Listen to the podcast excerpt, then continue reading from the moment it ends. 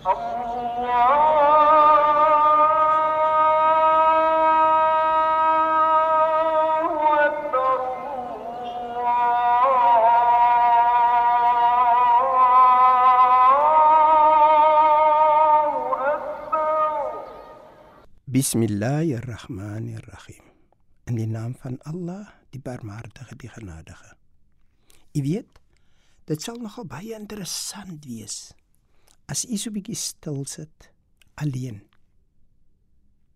En u bewonder, o u wonder, o u kyk na u eie optrede.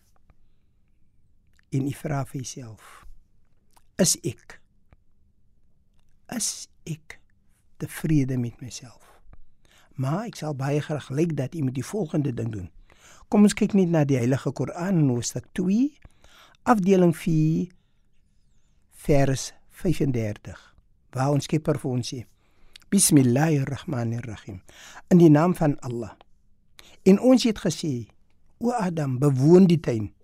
Jy en jou vrou en eet van die oorvloede vrugte daarvan. Net wat en waar jy verkies maar naby hierdie boom mag julle nie gaan nie sodat julle nie versoek mag word nou as jy stil sit maar jy, dit is belangrik dat jy heeltemal stil sit en nie alleen is en dan vra jy vir jouself waar is die handleiding vir die lewe en jy sal sien dat ons het of die Koran of ons het die Bybel of wat ook al maar ons het 'n handleiding. En dan vra jy vir jouself: Wanneer het u al ooit daardie handleiding deurgegaan? Wanneer het u al ooit daardie handleiding nagekyk? Het u al ooit besef dat daar dinge is wat u nie mag doen nie? En hoe gehoorsaam is u? Hoe voer u daardie versoeke van ons Skepper uit?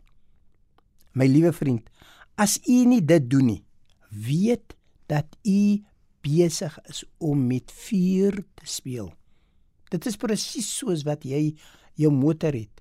Jy gebruik jou handleiding vir jou motor om seker te maak dat jy die beste uit jou motor kry.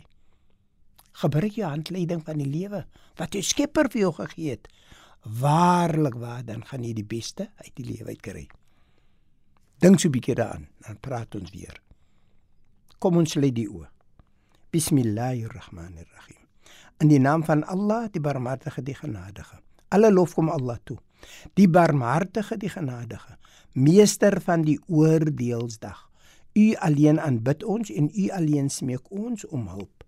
Lei ons op die regte weg, die weg van hulle aan wie guns bewys het, nie die weg van hulle op wie U toorn neergedwaal het of die weg van hulle wat afgedwaal het nie.